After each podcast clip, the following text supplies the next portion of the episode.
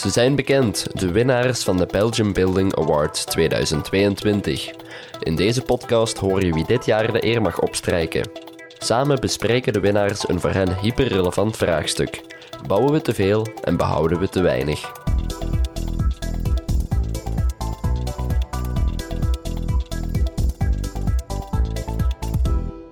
Welkom bij de podcast van Architectura, met in deze aflevering wel drie zeer speciale gasten. De winnaars van de Belgian Building Awards 2022. Samen met hen bespreken we het vraagstuk: bouwen we te veel en behouden we te weinig? Een thema waar onze gasten stuk voor stuk specialist in zijn. Hoog tijd dus om deze eindelijk voor te stellen en ze voor aanvang van de podcast alvast proficiat te wensen. De winnaar van de Pioneer Award van de Belgian Building Award 2022 is Bureau Rest. Architect van het bureau, Dimitri Minte, zit bij ons aan tafel. Rest is een culturele architectuurpraktijk van architecten, onderzoekers en stedenbouwkundigen dat antwoorden geeft op ruimtelijk urgente vraagstukken over de praktijk van het bouwen, maar zeker ook over de praktijk van het niet bouwen. We stellen vast dat we eigenlijk in een oververhitte bouweconomie zitten. Uh, als we kijken, we bouwen te veel. Uh, wat we bouwen hebben we soms ook niet nodig. Uh, we gebruiken het te weinig. We hebben ook te weinig vakmensen die het eigenlijk zelfs kunnen bouwen. We moeten zelfs personeel uit het buitenland halen, de nieuwe gastarbeiders, om het te realiseren. Het materiaal is eindig. we willen klimaatrobuust zijn, maar dat matcht niet met het, met het verhaal binnen de bouweconomie. De energie wordt duurder en duurder. Uh, we zitten zelfs ook aan onze financiële limieten. En dan proberen wij als rest te zeggen van misschien moeten we een beetje restig blijven. De tweede winnaar is die van de categorie herbestemming. A2O Architecten mag deze prijs in ontvangst nemen met hun project De School met Lef in Beringen. Frederik Hermans vertegenwoordigt het bureau vandaag. A2O houdt zich voornamelijk bezig met ruimtelijke complexe projecten waar dat vandaag meer en meer herbestemming bij in het vizier komt. Maar ik denk wel dat er nog altijd een verkeerde mindset zit bij heel veel architecten, studenten, dat je als architect je ei per se moet kunnen leggen in een soort persoonlijke expressie van architectuur. En dat er een soort idee is dat er geen eer behaald kan worden met, met terughoudendheid en zekere eerbied voor uh, ons schaars uh, ruimtelijk goed. De derde winnaar is die van de categorie groepswoningbouw. Studio Jan Vermeulen wint met het project De Korenbloem in Kortrijk. Vermeulen focust zich voornamelijk op woningbouw en publieke projecten. Um, maar ik denk dat het delen, ja, dat, dat, is en blijft problematisch uh, voor een, een, Vlaming. En ik denk dat de, de, de grondslag van die problematiek ligt in uh, de enorme versnipperde eigendomsstructuur. Um, wonen uh, bouwen, een huis hebben, is ook nog altijd een onderdeel van een Belgische pensioenplan. En zolang dat dat gezien wordt als een investering en niet als een activiteit of als een, als een soort van recht dat je kunt delen met andere mensen, uh, zal dat delen altijd uh, moeilijk blijven. Zo, de winnaars zijn gekend. Een welgemeende proficiat. De host van deze aflevering is zaakvoerder van Pallendroom Rick Neven. Mijn naam is Stef Pennemans, ik stond in voor de productie en voice-over. Deze podcast werd mede mogelijk gemaakt dankzij onze vier structurele podcastpartners. Reinaars Aluminium, Van der Zande, All of Communication en Assiver.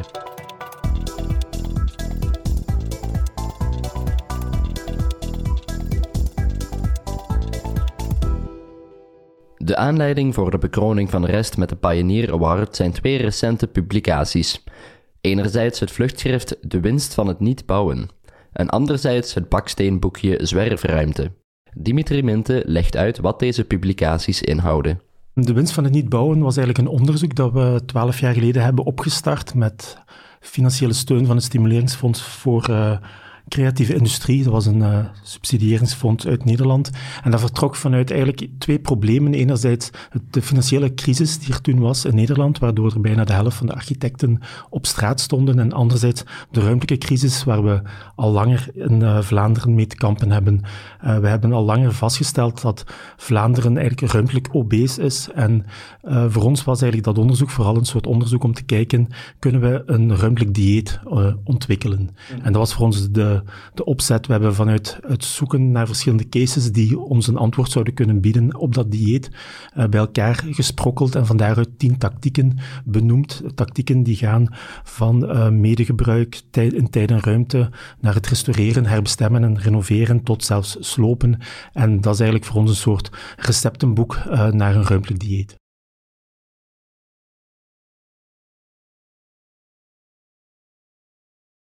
Um, met dat verschil dat tussen niet en bouwen een koppelteken staat. En dat is wel heel belangrijk. Er zijn heel velen die dat vergeten, die denken dat niet bouwen uh, betekent niet meer bouwen. Maar dat hebben we ook heel duidelijk in ons boek ook willen weergeven. Het gaat over niet bouwen. En dat wil zeggen dat we vooral moeten omgaan met het bestaand patrimonium. En dat we vooral uh, de winst van het niet bouwen wil zeggen, vooral uh, geen verlies van het bouwen willen ontwikkelen. En dat is een heel groot verschil. De twee andere winnaars wonnen de award op basis van een project. In de categorie groepswoningbouw won Studio Jan Vermeulen die met het project De Korenbloem in Kortrijk. Project De Korenbloem is eigenlijk een heel ambitieus woonproject dat opgestart is vanuit een uh, zorginitiatief die op zoek waren naar nieuwe modellen om uh, bepaalde bewonersgroepen uh, te laten wonen en te verzorgen. En zij hebben een, via een traject een pilootproject opgestart waarbij we onderzoeken op welke manieren we aan een bepaalde specifieke behoefte kunnen voldoen binnen een kleinschalige woonvorm. Dus eigenlijk spreken we over een soort co-housing project, waarin dat er een aantal gedeelde ruimtes, ook een, uh, een, een, villa die uh, uh, erfgoedwaarde heeft, hergebruikt worden en opgesteld worden naar de buurt. En ten derde de winnaar van de categorie herbestemming. A2O Architecten met de school met lef in Beringen. Frederik Hermans legt een project uit. Wij hebben een project gedaan in, in Beringen op de Mainsite, uh, een van de grootste erfgoedsites in Vlaanderen. Wat er bijzonder aan is, is dat men daar vanuit de stad de beslissing heeft genomen om dat niet gelijk dat meestal gaat enkel op te superen aan, aan cultuur en toerisme, maar er ook stedelijke functies onder te brengen. En, en ons is na een architectuurwedstrijd eigenlijk samen met de AAC gevraagd om uh, in een voormalig badhuis een, een kleuter- en lagere school onder te, te brengen. Dat we bij Architectuur dol zijn op quotes, weet u waarschijnlijk al wel. En aangezien de winnaar van de Pioneer Award hier aanwezig is met twee prachtige publicaties, gebruiken we quotes van Rest hun boek Zwerfruimte als leidraad van deze podcast. Aan de hand van die quotes zullen onze gasten hun visie verspreiden over herbestemming en de kracht van het niet of wel bouwen. De eerste quote is: We leven ruimtelijk boven onze stand. Um, ja, dat is een quote die uit ons boek uh, Zwerfruimte. En dat is eigenlijk vooral een vaststelling dat eigenlijk onze ruimtelijke footprint hier in Vlaanderen 50% hoger ligt dan in onze omringende landen. En dat betekent toch wel iets, want dat wil zeggen dat we eigenlijk te veel gebouwd hebben, ook veel meer ruimte opsoeperen dan in de rest van Europa. En dan hebben we ook nog heel veel van die ruimte op de verkeerde plaatsen gebouwd en dergelijke. En dan, zoals we ook zeggen in het boek, ook heel veel ruimte die we gewoon effectief niet gebruiken, zwerfruimte. En dat vertaalt zich dan eigenlijk ook door het feit dat als we boven onze stand leven, dat we eigenlijk ook heel veel uh, geld missen om eigenlijk dat soort ruimte goed te kunnen beheren en te onderhouden en te verbouwen in de toekomst. Jan, leven we boven onze stand wat ruimtelijk gebruik betreft? Ja, in vriendenkringen heb ik Vlaanderen al dikwijls vergeleken met een eindeloze camping. Um, ik heb het geluk gehad van uh, een tijdje in Nederland vertoefd te hebben en in Groot-Brittannië. En puur door de verschillende landen met elkaar te vergelijken en de manier waarop dat ze met ruimte omgaan, zie je enorme verschillen. En die enorme uh, verschraling en versnippering van het landschap in Vlaanderen is wel erg duidelijk. Ik, ik, denk dat dat, uh, dat dat een genuanceerd verhaal is. Hè. Uh, als we denken aan ruimtelijke invulling in Vlaanderen, dan wordt er heel snel aan, aan wonen gedacht. En um, ik denk dan aan de woonzaak, recent in het leven geroepen door een aantal organisaties die eigenlijk aanklagen dat wij als, als maatschappij niet voldoen aan het aanbieden van voldoende kwalitatief uh, wonen en betaalbaar wonen. Dus ik denk dat wij sociaal, uh, vanuit sociaal-economisch perspectief eigenlijk net ruimtelijk onder onze stand leven. Ik denk dat de, de problematiek die wij in België hebben, is dat wij ruimtelijk, dat we op een hele verkeerde manier met ons patrimonium uh, omgaan. En dat wij nood hebben aan meer ruimte, maar aan betere ruimte en kwalitatievere ruimte.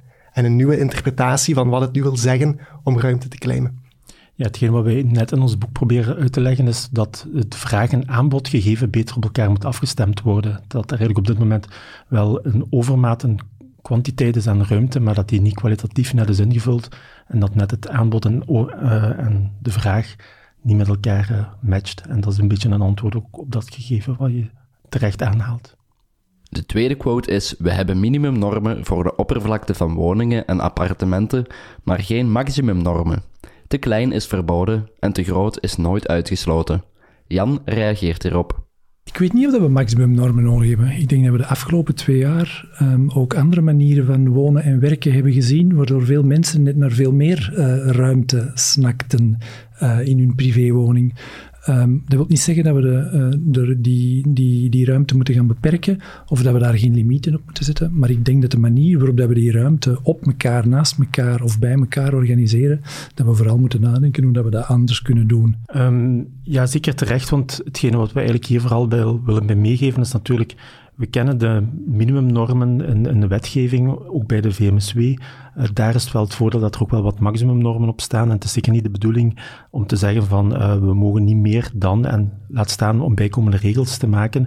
Maar het zou wel interessant zijn dat we ons meer bewust zijn van als we nieuwe behoeftes gaan invullen in architectuur, dat, we, dat, dat ook daar de oppervlaktes niet eindig zijn. Dus dat we daar veel bewuster mee omgaan. Maar aan de andere kant zijn we ook grote voorstanders van het verhaal van de overmaat, de positieve overmaat, zoals Bob van Reet altijd stelde. Uh, want dat kan ook wel leiden tot kwalitatieve architectuur en tot de intelligente ruïnes, die uiteindelijk ook wel uh, heel interessant zijn.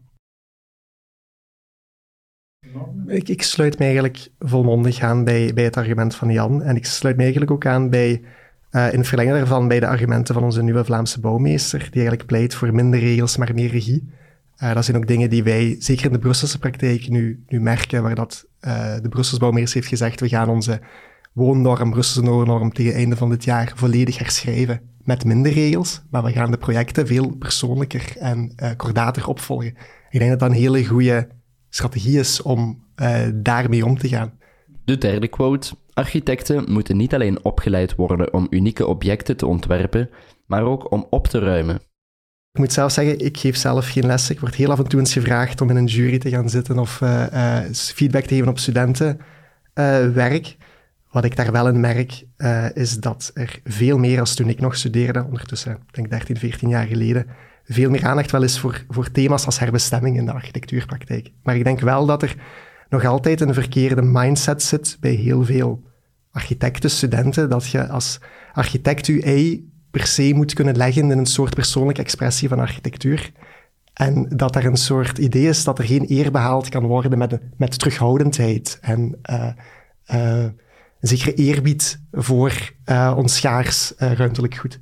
En dat is misschien iets waar dat wel aan gewerkt kan worden. Langs de andere kant weet ik dat Dimitri en, Tim daar met hun studenten wel rond, rond werken. Ja, het is um, het, ook wat Frederik zei van het opruimen is voor ons eigenlijk echt ook een creatieve daad van ontwerpen. Dus dat is niet iets wat we misschien in het verleden al te veel is van we moeten er vanaf en we gooien het weg. Uh, maar echt bewust nadenken van waar wel en waar niet opruimen, wat wel en wat niet opruimen en op basis van welke criteria, dat vergt toch wel vakmanschap van een ontwerper. En dat is iets wat misschien uh, de laatste tijd wel begint te komen, maar in het verleden toch veel te weinig uh, onder het daglicht kwam.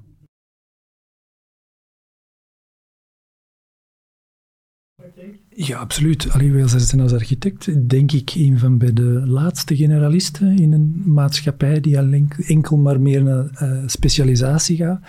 Um, dus wij hebben ook gewoon door onze manier van werken, het feit dat wij tekeningen maken en uitzoomen en bij wijze van spreken boven een plek kunnen, kunnen zweven, een soort overzicht waarin dat we in de enorme fragmentatie, die gevolg is van een enorme fragmentatie van beslissingen, een overzicht kunnen houden.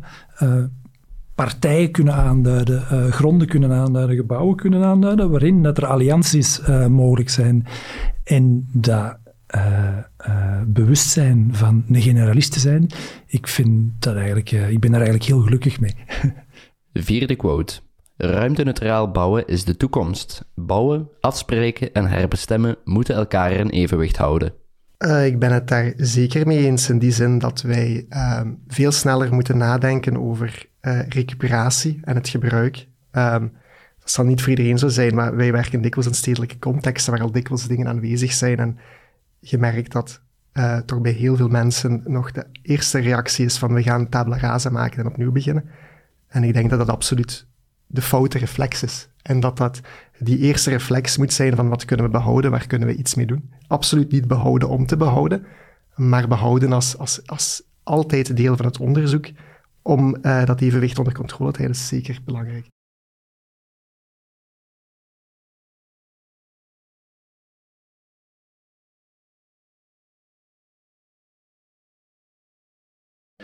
Dat kadert voor stuk in om te kijken van op welke manier kun je dat ruimteneutraal bouwen effectief juridisch afdwingen, want op dit moment is het vooral een beetje vanuit de goedertrouw van opdrachtgevers en architecten om dit effectief uh, te doen. Maar voor ons is eigenlijk ook dat begrip ruimteneutraal bouwen eigenlijk misschien een ideale synoniem van het niet bouwen. Dus in die zin uh, betekent niet bouwen dus niet meer bouwen, maar uh, eigenlijk ruimteneutraal bouwen als een verlengde van het materiaalneutraal bouwen, hè, wat architectenbureaus zoals Rotor en BC-architecten hebben geagendeerd.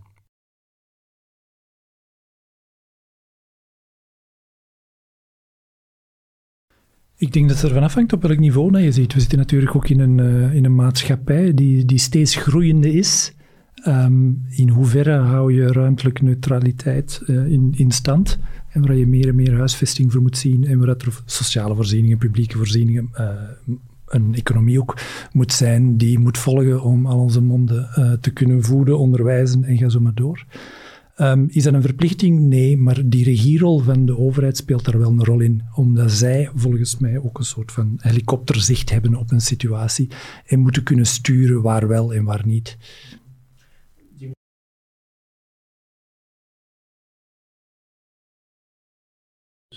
Uiteraard, de, de, overheid heeft daar inderdaad een heel cruciale rol. Uh, niet alleen stedenbouwkundig, uh, planologisch, maar ook bij hun eigen patrimonium zouden zij daar wel het goede voorbeeld kunnen geven. En dat gebeurt tot vandaag nog, nog eigenlijk onvoldoende. Uh, we hebben al in het verleden voor een aantal kleinere gemeentes patrimoniumstudies gemaakt. En ja, we doen eigenlijk onze ogen samen met hen soms open van wat er eigenlijk allemaal ligt te verkommeren en wat eigenlijk best kan geactiveerd worden. De vijfde quote. Angst om te delen houdt ons tegen ruimte te gebruiken zonder met ruimte te smossen. Ik vind dat een moeilijk verhaal. Het is natuurlijk in onze uh, uh, Vlaamse individualistische aard zijn we nogal heel erg op zichzelf. En sommige mensen zijn er zelfs trots op van die filosofie. En het moeilijke aan die, dat pad is dat mm, als, men dat als we dat agenderen als architecten, dat men dan heel snel in co-housing en dergelijke denkt, wat heel veel angst inboezemt. Terwijl eigenlijk delen wij al heel veel. Zelfs als je in een verkaveling woont, delen wij een straat, delen wij nutsvoorzieningen, delen wij ruimte tussen de huizen. Ik denk dat we het, het over dat thema moeten hebben en dat als we erin slagen om dat te heruit te vinden, dat we dat terugclaimen als buurt en als wijk, als kwalitatieve ruimte, uh, dat we dan heel ver kunnen geraken. Nu een mooi voorbeeld te geven, we zijn nu bezig met een sociaal woningbouwproject, een wijk die herontwikkeld moet worden. En daar stellen we eigenlijk voor om die straten, die eigenlijk eigendom zijn van de sociale huisvestingsmaatschappij, om die op te breken en daar gewoon groenruimte tussen de woningen van te maken. Omdat op dat moment voelen de mensen ook terug van, ah ja, maar dat is van ons, dat is van onze, onze wijk en we kunnen dat gebruiken. En op die manier hebben we minder ruimte nodig voor andere uh, dingen, voor tuinen, voor, voor aanleg van wegen en, en verder meer. Uh, we zien dat stilletjes aan groeien en groeien. Zelfs bij ontwikkelaars die vragen, kunnen we daar toch geen gedeelde ruimte in steken? Uh, maar ik denk dat het delen, ja, dat, dat, is en blijft problematisch uh, voor een, een, Vlaming. En ik denk dat de, de, de grondslag van die problematiek ligt in uh, de enorme versnipperde eigendomsstructuur. Um, wonen, bouwen, een huis hebben, is ook nog altijd een onderdeel van een Belgische pensioenplan. En zolang dat dat gezien wordt als een investering en niet als een activiteit of als een, als een soort van recht dat je kunt delen met andere mensen, uh, zal dat delen altijd uh, moeilijk blijven. Um, ik pleit er ook gewoon voor, van, ik vraag mezelf af, de mensen voor wie, dat wij meewerken en waar je een stad mee kan bouwen en kan veranderen, dat zijn mensen met uh, veel kapitaal en die toegang hebben tot grotere gronden, omdat je daar je capaciteit van je stad opnieuw kunt opbouwen. Um, de mechanismen die nodig zijn om die versnipperde eigendomsstructuur terug samen te brokken, hè, terug samen te kneden tot grotere structuren. Daar lijkt volgens mij een sleutel te liggen in als je uh, in het Vlaamse landschap wilt uh, ingrijpen.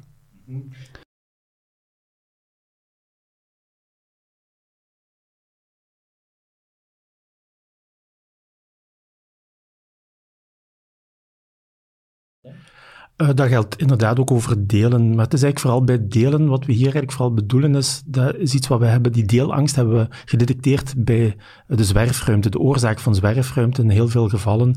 En dat geldt niet alleen over het wonen, maar dat geldt ook gewoon over samen kantoorruimtes kunnen gebruiken, of samen een speelplaats kunnen gebruiken, of samen bepaalde ruimtes in een, in een, bijvoorbeeld in de single van Antwerpen, waar we gemerkt hebben dat het soms heel moeilijk is om met verschillende organisaties ruimtes te delen. En daar waren dikwijls heel veel praktische bezwaren en we moeten daar respect voor hebben. Hè. Dus de, uh, wij, wij, ontkennen dat niet, in tegendeel. Maar we geloven wel dat wij als architecten daarin ook een bepaalde rol kunnen hebben om hen te helpen, om ook de randvoorwaarden, de restricties met elkaar samen af te spreken, om ruimtes beter te kunnen gebruiken. Misschien als een kleine anekdote, maar ik vind bijvoorbeeld momenteel heel jammer, of ik vond het eigenlijk aan de ene kant een eigenlijk een heel mooi voorbeeld hoe men in uh, Brugge een voetbalstadion heeft voor twee uh, clubs, eerste nationale club, Cerkel en Club. En dat men daar vandaag, anno 2022, er niet meer in slaagt om twee clubs samen in één voetbalstadion te krijgen. En dat we twee voetbalstadia moeten gaan bouwen, quasi naast elkaar, omdat we dat blijkbaar vandaag niet meer kunnen, wat in het verleden eigenlijk geen probleem was. Ja. En in die zin kan net uh, bepaalde ruimtes veel beter gebruikt worden en hoeft er ook geen overmaat gebouwd te worden, want men men is dan nogal snel geneigd om te zeggen van oké, dan uh, zullen we het zelf maar op ons eigen uh, maar oplossen. De zesde quote, zwerfruimte activeren betekent de bouwaanvraag telkens weer herformuleren. Het betekent ook het gebrekkig gebruik onderstrepen. Absoluut. Als je dat bij een private opdrachtgever uh, die bij u terechtkomt, is dat sowieso uw plicht om te doen. Uh, de vraag wordt gesteld, hij verwacht een bepaald antwoord. Uh, maar ik denk dat wij zeker in staat moeten kunnen zijn om die vraag te kunnen herformuleren en echt door te prikken naar wat de effectieve behoefte is. Uh, bij de overheden en de opdrachten die daaruit voortvloeien, zien we geleidelijk aan toch wel een professionalisatie aan de gang. Er zijn heel veel architecten die doorstromen uiteindelijk naar de overheden en die in de opmaak van uh, documenten voor aanbestedingen eigenlijk al die voorselectie kunnen maken. Bij de ene opdrachtgever lukt dat beter als bij de andere, maar dat is in stijgende lijn. Maar die selectie die moet volgens mij bij die publieke opdrachten toch ook op dat niveau gemaakt worden.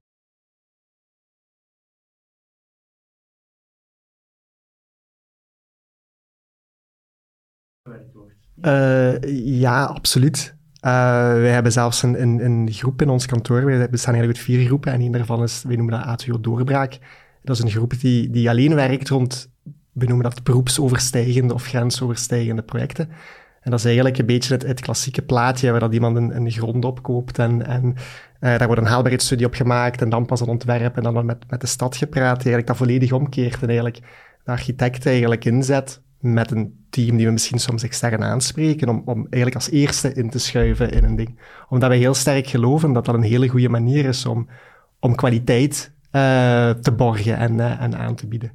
En ik denk dat wij vanuit ons beroep, ons, onze sterkste wapen is creativiteit. En ik denk dat we hoe vroeg mogelijk, uh, hoe vroeger we dat in het proces kunnen inzetten, die creativiteit en die, die uh, kunde om, om buiten hokjes en grensoverschrijdend te denken, hoe wezenlijker wij kunnen bijdragen aan, aan een kwaliteit van onze, onze ruimte.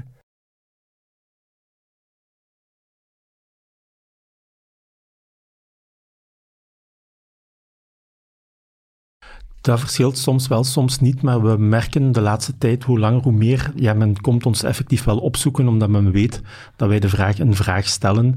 En uh, men wil ook wel om tot nieuwe inzichten te komen. En, uh, dus men staat wel open om de projectdefinitie soms helemaal om te keren. In sommige gevallen verliezen we effectief daar wedstrijden door, in andere gevallen winnen we daardoor wedstrijden.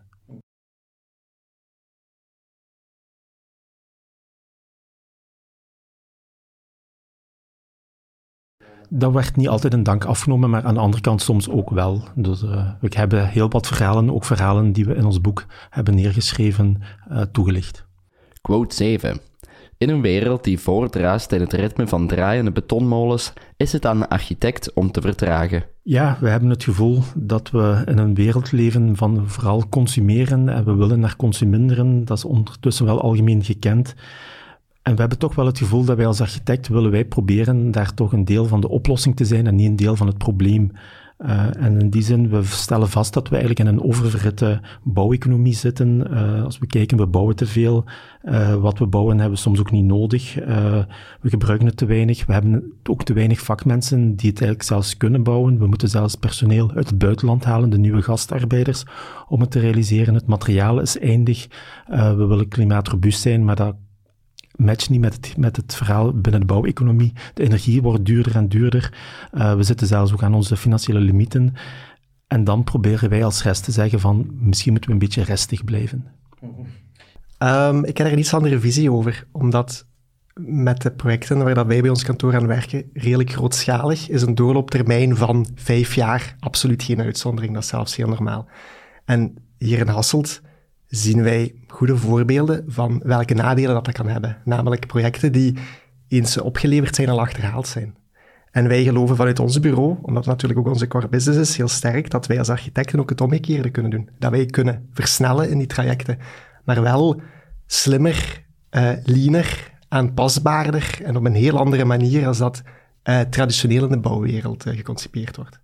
Ik denk dat daar ook heel veel potentie in zit vanuit ons architectenberoep. Maar dat is net hetgene wat wij bedoelen met restig blijven. Uh, stap voor stap gaan. Uh, je kunt niet gaan beginnen een marathon te lopen als je nog niet kunt kruipen. Uh, het gaat eigenlijk over stap voor stap. En we merken toch nog steeds in de praktijk, zowel bij privaat, maar ook publieke overheden, dat men soms stappen, belangrijke stappen overslaat. En daardoor ontstaat er een soort stress binnen een bepaald bouwproces. En ook daar moet men leren restig te blijven. Was dat ook de reden waarom jullie jullie bureau rest genoemd hebben?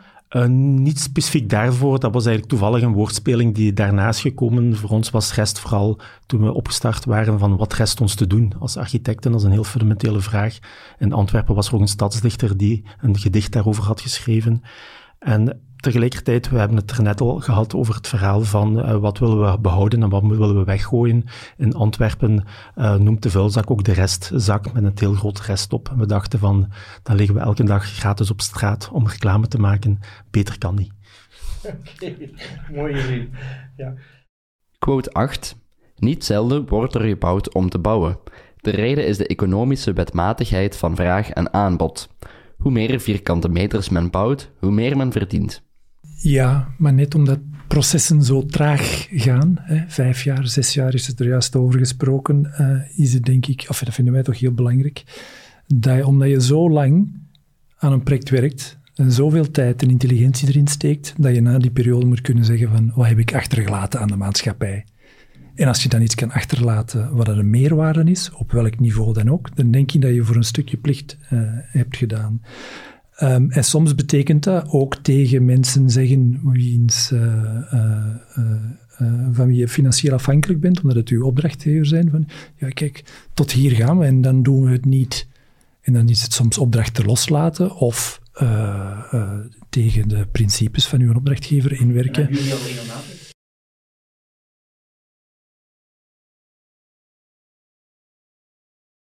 Ontwerpen? Um, de meeste van de opdrachtgevers die komen altijd wel met een vraag naar u toe om veel te realiseren. En er is altijd een geloof dat dat veel gerealiseerd kan worden. En tot nu toe hebben we wel gemerkt dat het proces in Vlaanderen van die aard is, het bouwproces met de vergunningsaanvragen en zo maar van die aard is dat door invloeden van verschillende en ook die van onszelf, uh, het meer telkens ook wat minder wordt en daardoor ook kwalitatiever uh, wordt. En uh, dus ik ben redelijk optimistisch over de, de vergunningsprocedure in Vlaanderen. Ook, ze zijn te complex, zeggen zo maar door.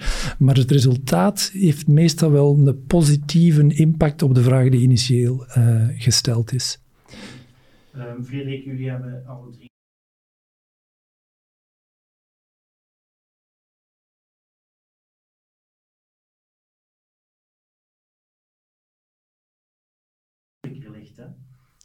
Dat is uiteraard heel, heel moeilijk. Het is één, als, als beginnende architect moeilijk om opdrachten te weigeren. Uh, maar het is sowieso ook al moeilijk om beginnende architect om, om uh, opdrachtgevers te overtuigen. En, en uh, gelijk Jan zegt, CITES hebben een bepaalde draagkracht. Um, dat zien wij als architecten. Dat ziet een ontwikkelaar of een opdrachtgever zelden. Hem daarvan overtuigen als jong architect is heel moeilijk. Daar heb je ervaring en, en wat maturiteit voor, voor nodig. Um, langs de andere kant merken wij ook wel dat um, in de opdrachtgeverswereld dat daar ook wel positieve evoluties aan de gang zijn. Dat in ieder geval, misschien hebben wij geluk met de opdrachtgevers waar wij merken, maar dat uh, heel veel partijen ook beginnen te zien dat uh, er wordt heel veel gebouwd en dat je u gaat moeten onderscheiden in kwaliteit en uh, ten eerste en ten tweede dat vandaag de dag bouwen we, kunnen we alleen maar dingen realiseren in overleg met verschillende instanties en, en verschillende overheden. En dat met kwaliteit afkomen uh, en een vlekkeloos project, project en traject uh, rijden, uh, dat u dat op lange termijn meer opbrengt als te blijven bikkelen over vierkante meters en, en, en blijven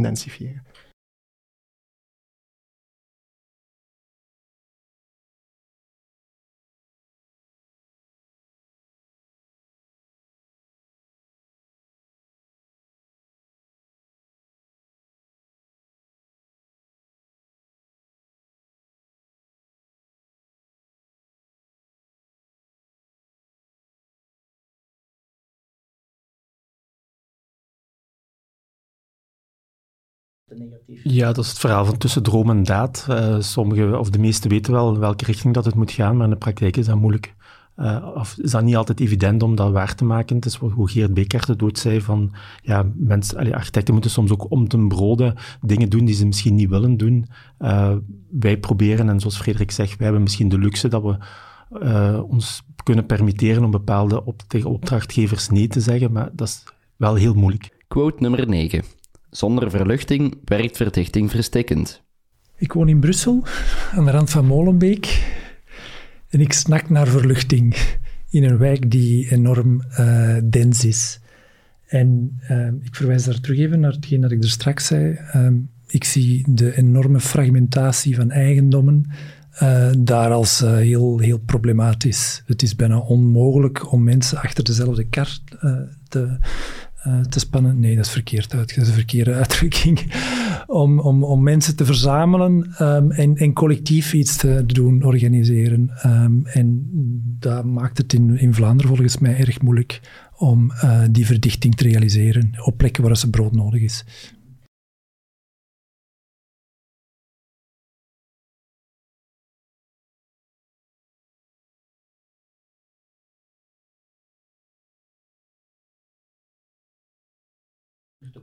Dat gevaar bestaat natuurlijk, hè, want uh, verdichting is een beetje zo een modewoord geworden de laatste decennia.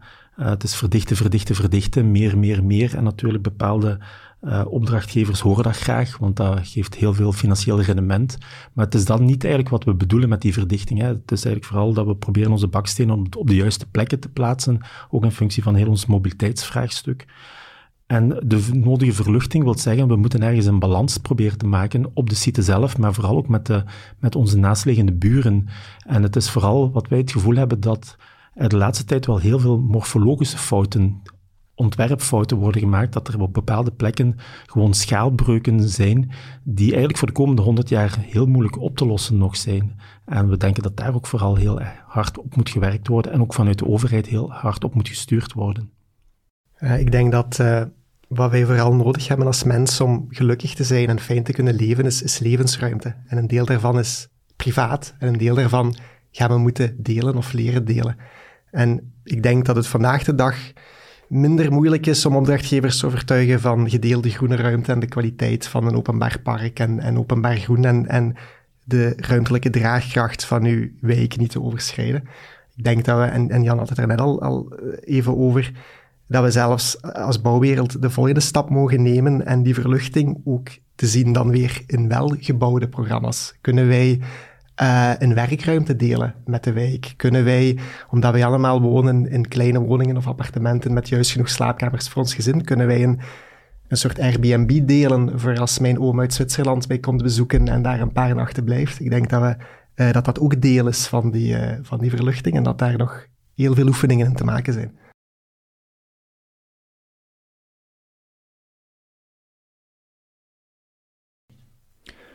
Um, dat begint meer en meer, um, maar die gedeelde ruimte, dat ligt altijd heel moeilijk met de vereniging van eigenaren, omdat de mensen daar nog niet, niet klaar voor zijn. Um, Maar ehm, ik denk dat de projectontwikkelaars niet de enigste zijn. Hè. Er zijn in het buitenland voorbeelden genoeg van manieren om woningen te ontwikkelen en ter beschikking te stellen van de bevolking, zonder dat daar uh, 10 tot 15 procent winst afgeroomd moet worden. En net omdat dat financieel gedeelte daaruit geknipt wordt, dat het wel gemakkelijker is om na te denken over collectiviteit en um, uh, levensruimte en um, um, het delen van, van bepaalde uh, aspecten. Dimitri, veel van de problemen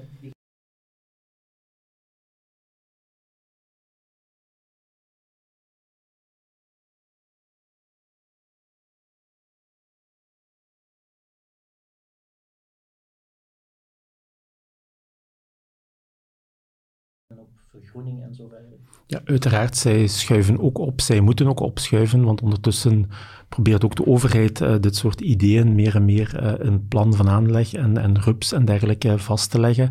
En zij moeten ook straks hun, uh, hun producten eigenlijk kunnen verkopen en, en ook de toekomstige eigenaars, uh, ja, die horen ook of die zien ook en die hebben ook COVID meegemaakt en die willen ook die voldoende verluchting in hun woonprojecten hebben. Dus zij schuiven ook wel mee op en zij zoeken ook wel tegenwoordig meer en meer ook naar alternatieve concepten. Niet alleen om uh, een bepaald grond te ontwikkelen en te verkopen, maar ook om eventueel gronden in erfpacht te geven of woonprojecten in erfpacht te geven of eventueel naar woonaandelen te, te werken. Dus er zijn wel andere concepten te bedenken waar ook die projectontwikkelaars meer en meer uh, naar aan het opschuiven zijn. Zij die eigenlijk daar dat mee bezig zijn, zij maken nu voorsprong. Maar ik merk dat uh, uh, over het delen van ruimte, we spraken er straks even over minimumnormen en maximumnormen. Um, er zijn heel veel steden die uh, bouwcodes hebben en oppervlaktenormen voor woningen. Um, het gedeelte dat daar niet in vervat zit, de, woon, de, deel, de ruimte die gedeeld kan worden, zit niet mee in die code uh, vervat. Dus dat betekent, als je een drie slaapkamer appartement nodig hebt, dat je slaapkamers zo groot moeten zijn, je living zo groot moeten zijn. Maar het feit dat daar buiten een gedeelde ruimte is die je kan gebruiken voor familiefeesten, waardoor je misschien net iets kleiner kan wonen, dat zit nog niet mee in die bouwcodes vervat. En misschien is er in de toekomst wel iets nodig om, om, om, om die formules ook gewoon uh, te, te, te, te kunnen omzetten in, in, in die codes en daardoor ook goedkoper te bouwen. Want een projectontwikkelaar die is ook gebonden aan die vierkante meters en dient die te verkopen. En we komen dikwijls tegen dat die gedeelde ruimtes eruit geknipt worden omdat het project er anders te duur wordt of de rendementen uh, naar beneden gaan. In Hasselt gaan men uh, binnenkort de wooncode daarop veranderen, waarop men per inwoner of bijkomende inwoner minimum 25 vierkante meter collectieve ruimte moet voorzien in een bepaald project. Dat lijkt mij een fantastisch initiatief. Dat is pas nieuw? Of? Dat, is pas, dat is nog niet, denk ik, goedgekeurd, maar alleszins de, de teksten liggen klaar. Mm -hmm. Allee, dan hebben we een primeur in onze podcast. En de laatste quote, nummer 10. Met goed ontwerpen kan je veel recht trekken. De architect is een ruimtelijke zorgverlener. Een goed ontwerp is het vaccin tegen slecht ruimtegebruik. Ik denk dat um, dat de ambitie kan en moet zijn, of misschien onze naïviteit als architecten, noem het, noem dan maar zo. Ik denk dat absoluut. Ik denk alleen, en dat gelijk Dimitri zo, zo goed verwoord, dat we dan wel de term ontwerp moeten opentrekken en dat ontwerpen zowel ruimte creëren als ruimte teruggeven kan zijn. En die klik moeten we wel maken als we dat willen, die taak willen volbrengen.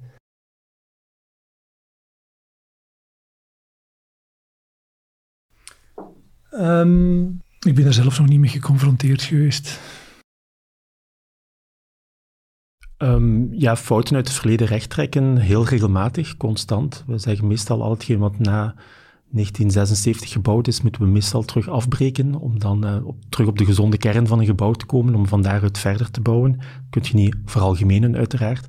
Maar als we bijvoorbeeld het project uh, De Zaal Harmonie in Antwerpen, uh, wat ook geselecteerd is, um, ja, toen we dat twaalf jaar geleden ter beschikking kregen om aan te pakken, ja, als je die foto zag en je ziet wat het vandaag de dag is, heb ik toch het gevoel dat we daar een als goede ruimtelijke zorgverleners zorg hebben gedragen en dat gebouw terug gezond hebben gemaakt. Zo, dat waren de 10 quotes. Maar we kunnen maar geen genoeg krijgen van de quotes. Want naar goede gewoonte sluiten we onze podcast af met een quote van onze gasten die illustratief is voor hun visie op architectuur. En die hoeft niet altijd van een architect te komen. Luister maar naar de quote van Jan, want die komt van Pipi Langkous. Ik heb het nog nooit gedaan, dus ik denk dat ik het wel kan. Ik denk dat dat voor kinderen vanzelfsprekend is, maar in onze ontwerppraktijk in onze architectuurpraktijk komen we dikwijls situaties tegen waar we nog nooit niet mee geconfronteerd zijn geweest. We komen net uit twee jaar een gezondheidscrisis waar we nog nooit niet geconfronteerd zijn, zijn geweest.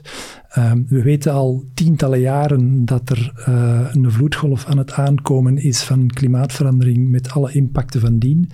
Uh, niemand heeft het nog nooit uh, tegengekomen. Uh, maar ik denk dat we wel het lef moeten hebben om te zeggen dat we dat wel kunnen aanpakken. En dat is onze taak als, uh, als architect ook, denk ik. Een prachtige quote. En de tweede, die komt van Frederik. Um, ik heb een quote gekozen van uh, Christophe Graven. Die heeft ooit gezegd, gebouwen waarmee we ons verbonden voelen, zijn de beste garantie voor een duur, duurzame leefomgeving. En ik heb die gekozen omdat wij met ons kantoor, we zijn ervan overtuigd dat wij allemaal als maatschappij moeten ons inzetten voor een, in de meest holistische zin van het woord, een duurzamere samenleving en een betere manier van omgaan met onze ruimte en onze omgeving. Maar ik denk wat ons uniek maakt als, als architecten is onze creatieve en onze culturele laag. Omdat die ons in staat stelt om ons terug verbonden te voelen met onze ruimte, met onze natuur, met onze toekomst en ons verleden. En dat dat ons unieke wapen is om ons steentje in die, in, de, uh, in die strijd bij te dragen. En we sluiten af met de quote van Dimitri. Ja, er zijn uiteraard heel veel quotes die op ons netvlies komen, maar uh, ik heb er toch een gekozen die ik maar een aantal weken geleden voor de eerste keer gelezen had. Uh, en dat was in Hilversum, in het gebouw, uh, het gemeentehuis van Willem Dudok. En het was ook een quote van hemzelf, die op de muren had geschreven, uh, als je sterft, moet je de wereld een stukje mooier hebben achtergelaten. En voor ons is dat eigenlijk toch um, ja, de missie wat, waarvoor we het eigenlijk willen doen. We willen als architecten deel zijn van de oplossingen, niet van het probleem. We willen de wereld een beetje verzorgen en beter achterlaten dan dat we het hebben gekregen. We zijn aan het einde beland van deze podcast. Hopelijk heeft u ervan genoten en nogmaals een dikke proficiat aan de winnaars van de Belgian Building Awards 2022. Wij danken onze praatgasten Dimitri Minte, Frederik Hermans en Jan Vermeulen. Rick Neven, zaakvoerder van Palindroom, was de host van dienst en mijn naam is Stef Pennemans. Ik stond in voor de productie en voice-over. Deze podcast werd mede mogelijk gemaakt dankzij onze vier structurele podcastpartners. Reinaars Aluminium, Van der Zande, All Colors of Communication en Assiver. Ben je geïnteresseerd in meer nieuws over de Belgian Building Awards of bouwen en architectuur? Surf dan zeker naar onze websites Architectura en Circupilt. Daar vind je onder meer de podcast over de verloning van architecten. Tot horens!